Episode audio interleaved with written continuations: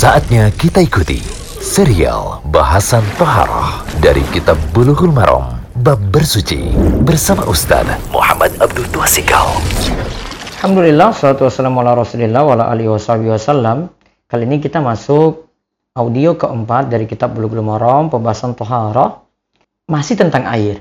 Kali ini kita bahas hadis ke-13 dan 14 serta 15. Nanti akan disinggung tentang bangkai ikan dan belalang.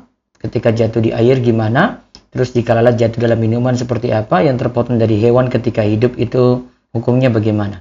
Hadis 13 dari Ibnu Umar. Ibnu Umar radhiyallahu anhu berkata bahwa Rasulullah shallallahu alaihi wasallam bersabda, Uhilat lana maitatani wa damani fa ammal maitatani fal jaradu wal hutu wa ammad damani fatihal wal kabidu akhrajahu Ahmadu wa Ibnu Majah wa fihi dha'fun. Dihalalkan bagi kita dua macam bangkai dan dua macam darah. Dua macam bangkai itu adalah belalang dan ikan, sedangkan dua macam darah adalah hati dan jantung.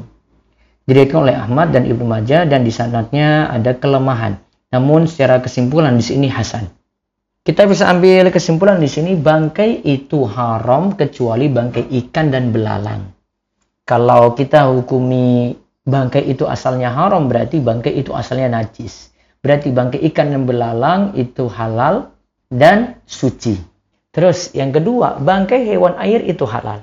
Jadi hewan air apa pun itu mati ya. Kita temukan terapung di atas air, baik air laut, air payau maupun air danau, air sungai, pokoknya airnya hewan itu hidup di situ, terus mati begitu saja, maka bangkainya itu halal. Dan halal ini berarti suci. Terus yang ketiga, hati dan jantung itu bagian dari darah, tetapi dihalalkan. Yang keempat, jika ikan belalang mati dalam air, air tersebut tidak jadi najis. Baik airnya sedikit ataukah banyak. Seandainya terjadi perubahan rasa, warna, atau baunya, air tersebut juga tidak jadi najis karena berubahnya dengan sesuatu yang suci, bukan sesuatu yang najis. Hadis ke-14 tentang lalat.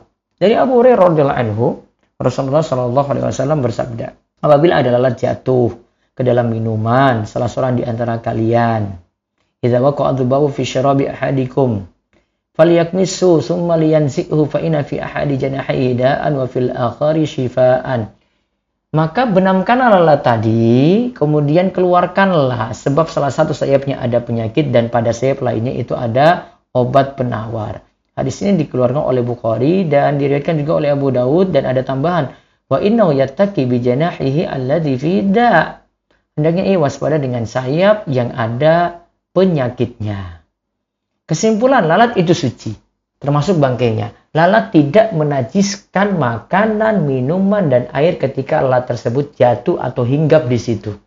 Yang kedua, diperintahkan untuk membenamkan lalat secara keseluruhan lalu lalat tersebut dibuang. Jadi kalau lalat jatuh dalam air maka dibenamkan terus dibuang.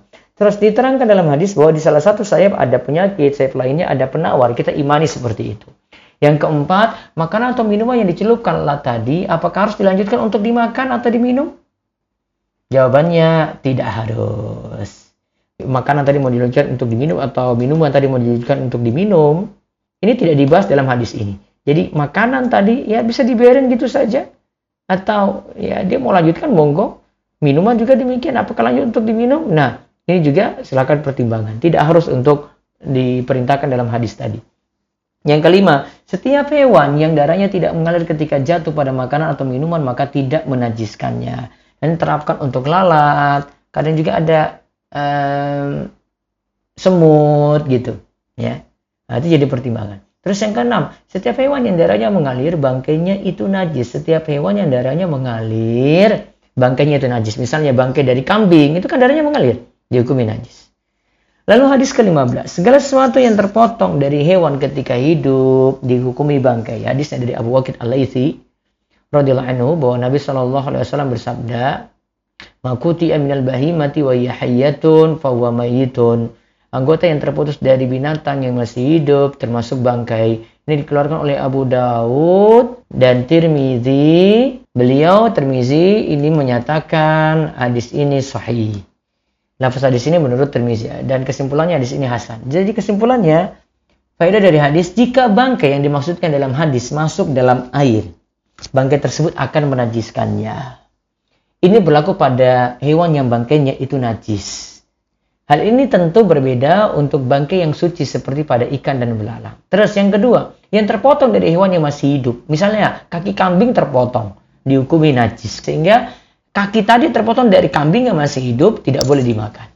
Ya, kalau itu dihukumi bangkai, maka najis tidak boleh dimakan. Terus yang ketiga, dikecualikan yang terpotong di sini adalah rambut, bulu yang lepas dari pokoknya, maka ini tidak masalah. Allah Demikian serial bahasan toharoh dari kitab Bulughul Maram bab bersuci bersama Ustaz Muhammad Abdul Tuasikal.